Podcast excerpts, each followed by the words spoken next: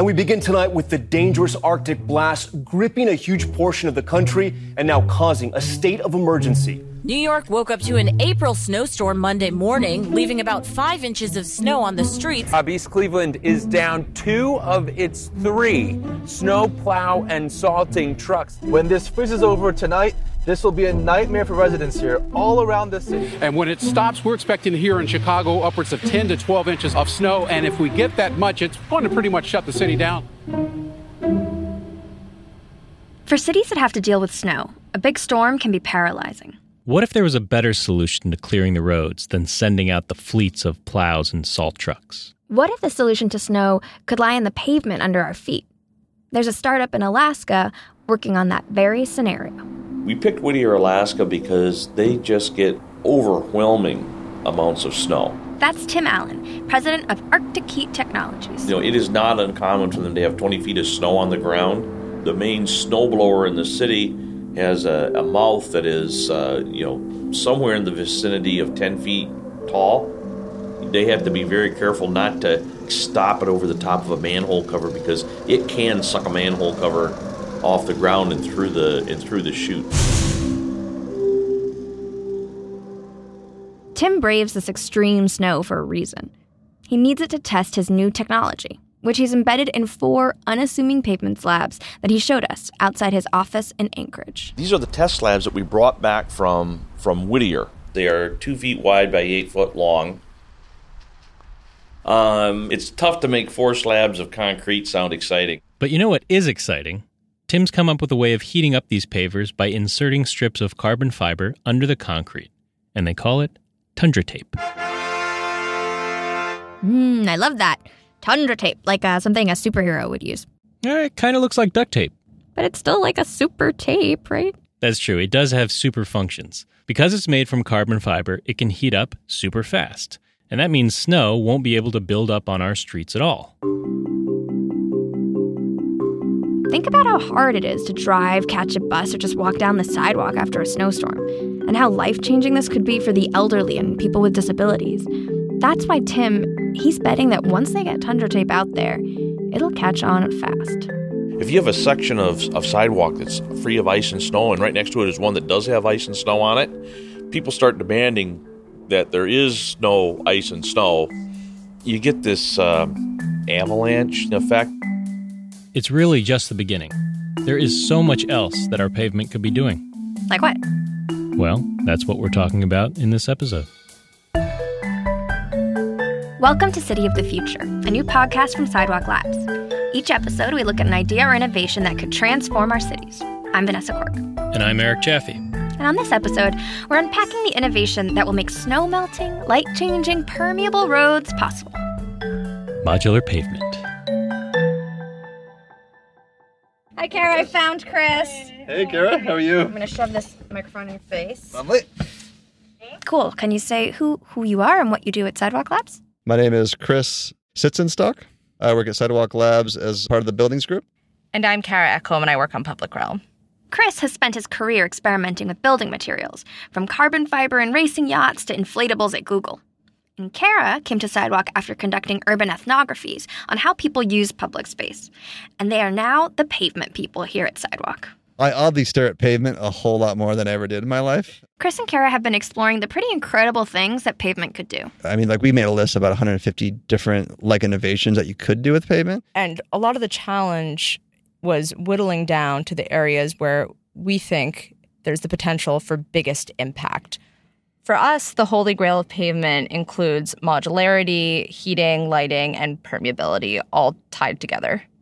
So, why are you guys calling this the Holy Grail? Well, I think we're calling it the Holy Grail because it's really ambitious and it represents the ideal, but it's very hard to achieve, just like the Holy Grail. So when you talk to people in the pavement world about this, what you're trying to do, how do they react? I think the reaction is initially, you can't do that. That's really different than how things are done today. To understand why this is such an ambitious departure from how we do things today, we should go back in time to the roads of yesteryear. Um, so, Eric, I know that you wrote a book on the first road in America. I haven't read it yet. But you bought it, right? I don't care if you read it. Yeah. I did. I did. Okay, sure you did. The first thing you should know is that most of America's early roads were totally unpaved. They weren't roads at all, really, they were just dirt paths. In early colonial towns, they had an annual road day. So, once or twice a year, every colonist in the town had to come out and smooth out the dirt, pluck out the big rocks. They mostly spent the time drinking and having foot races. it sounds like fun, but not a terribly productive way to, to make a road. That is correct. There really wasn't any serious road work done in America for a couple centuries after. Cities started to explore different approaches in the 19th century. You had in the 1820s, there was a Scottish engineer by the name of John Loudon McAdam, and he started laying down small crushed stones on roads. And when you put these stones together, you ended up with a very smooth surface. It was great. Cities loved it. They called them macadam roads. Now, later on, they realized when there were buggies going over these roads and there was dust being kicked up, that was actually wear and tear. So the engineers, they added sand and they added tar to make yet a new type of road, and they called it a tar macadam road. We call it tarmac, Okay, I didn't know that's where the word tarmac comes from. because you didn't read the book. exactly. And then obviously there, there was also asphalt. And, and even though asphalt had kind of been around for centuries, in the 19th century, Americans consider it a very modern innovation. And so for the National Centennial in 1876, Washington, D.C. actually paved 54,000 square yards of Pennsylvania Avenue with asphalt, just to prove how advanced our capital was. Okay, so that that means that we are still paving our roads with the cutting edge technology of 1876. Karen and Chris, they've been on the hunt for the cutting edge pavement of the 21st century, and they think they've found it. Modular pavement is pavement that you can quickly pick up and replace. So if a slab breaks, you don't need to tear up the street. You can just replace that slab. Or when you need to access an underground utility, you pick up the slab, do your business, and put it back. In her research, Kara came across some pioneers who have figured out how to make modular pavement work. A government backed agency in France called IFSTTAR. The French Institute of Science and Technology for Transport, Spatial Planning, Development, and Networks. That's a loose translation um, and certainly a long acronym. Yeah, but it, I mean, it definitely sounds better than roads department. So, how did IFSTTAR get into modular pavement? you know, French cities have a huge issue of accessing utilities, which were buried years ago and are often kind of a mess. So they started developing this removable urban pavement prototype. The researchers at IFSTTAR set out to design a new system of modular slabs. But these kinds of pavers require a different shape to make them light enough to lift up and move around, but still strong enough to handle a load of trucks. So they had to look outside the standard square and rectangle. So the ideal prefabricated paver would actually be a circle, but that doesn't work when you're trying to put the pavers next to one another.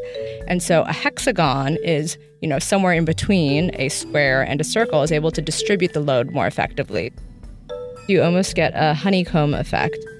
One of the reasons that bees use the hexagon is because it's strong, and so the aesthetic and the strength are, are very related to one another.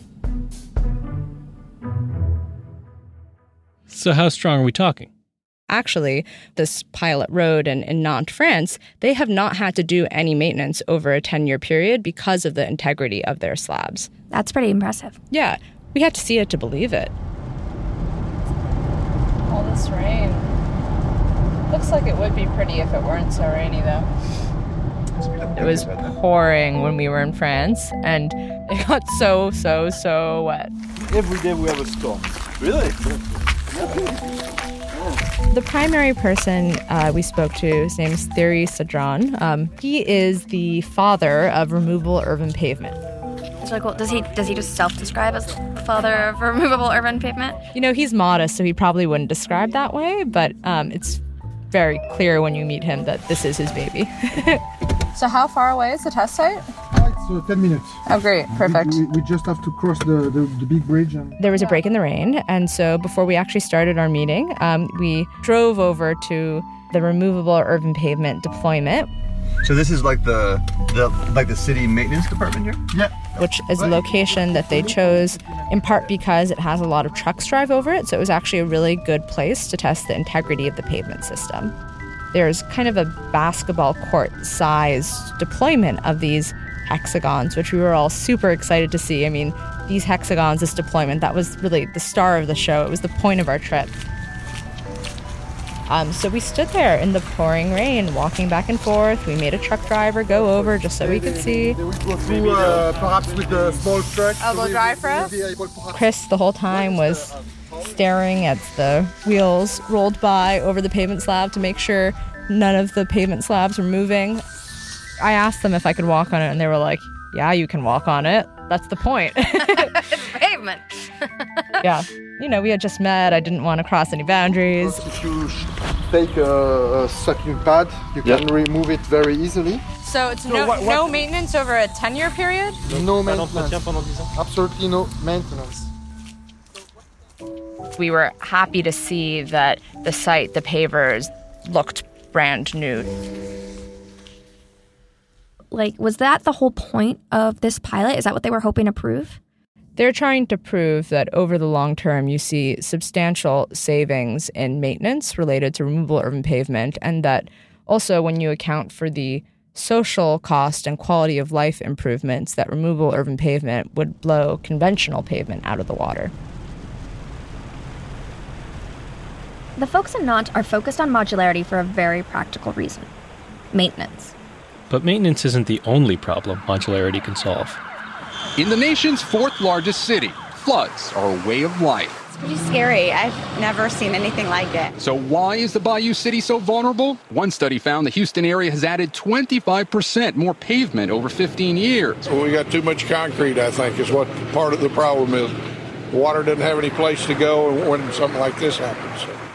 We think it's really important that the streetscape is permeable because cities have been so paved over. When you see hurricanes in Houston, for example, there's such major flooding because there isn't sufficient drainage. So the pavers are going to be part of a larger flood mitigation strategy where we have more parks, more green space integrated with the pavers. I mean, which is sort of the beauty of the modular system of like, can you can like you take out ten pavers to grow a redwood, and you take out two pavers to grow an apple tree, and then you sort of get what you want in that system. Modularity is the cardinal rule of technological development. You make pavement modular so it can evolve over time. So if you're adding technologies, when they become obsolete, you can simply replace them. With modular pavers, you could put in a technology that could change up your whole streetscape without lifting a single slab. Lights. Um, I mean, there's different ways lights can be used. You can make one ways when you want them to move traffic a certain direction, and then turn that faucet off, and like you don't need it anymore. So the lights are for turning car lanes into pedestrian spaces. Yeah, I, I think there might be more like a mentality where like you're just guiding pedestrians, and then maybe your lights are like your ground traffic control system. If there's all these different lights changing under your feet, I mean, it's kind of like you're walking on Times Square, and it could be a little disorienting. Is it? Is how could the light system be organized in a way that it doesn't feel like a frenzy or a circus?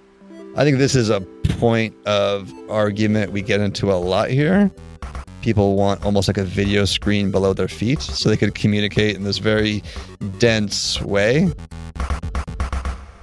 And then, I mean, like my sort of school of, of thought is you want your lights to communicate with like the least possible means, like making a poem with like the least possible words you can. So it's like the best communication you can with five words. Okay, so all this stuff together. It's it's lights, permeability, heat, modularity. This is the thing you're calling the holy grail, right? I mean, this is a lot of stuff to ask out of a pavement slab. Yeah, no one's really tried to combine all these things at once, which I mean, no one's really tried to do many of these things separately either at scale. So both individually and combined, they've never been done. So we're definitely in new, untested territory.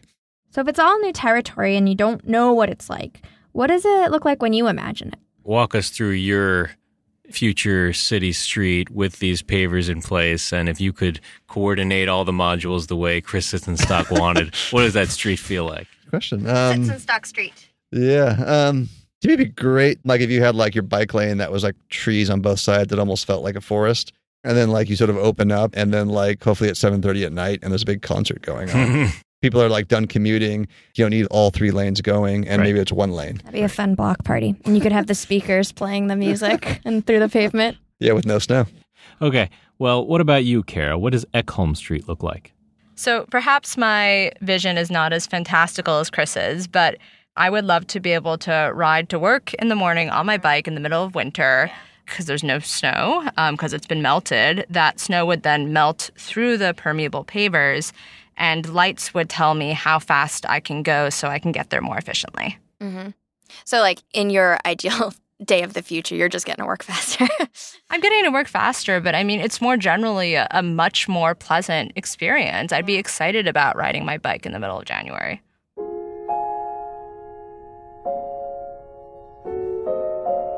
You know, pavement is the, the skin of the city. It's really influential in terms of people's sense of place and creating a character around the built environment.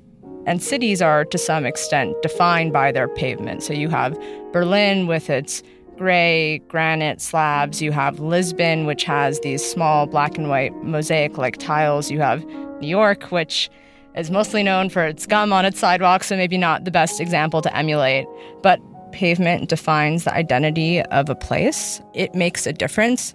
I think most people view pavement as something that's really mundane, but then when you think about your favorite cities, most people do remember the pavement.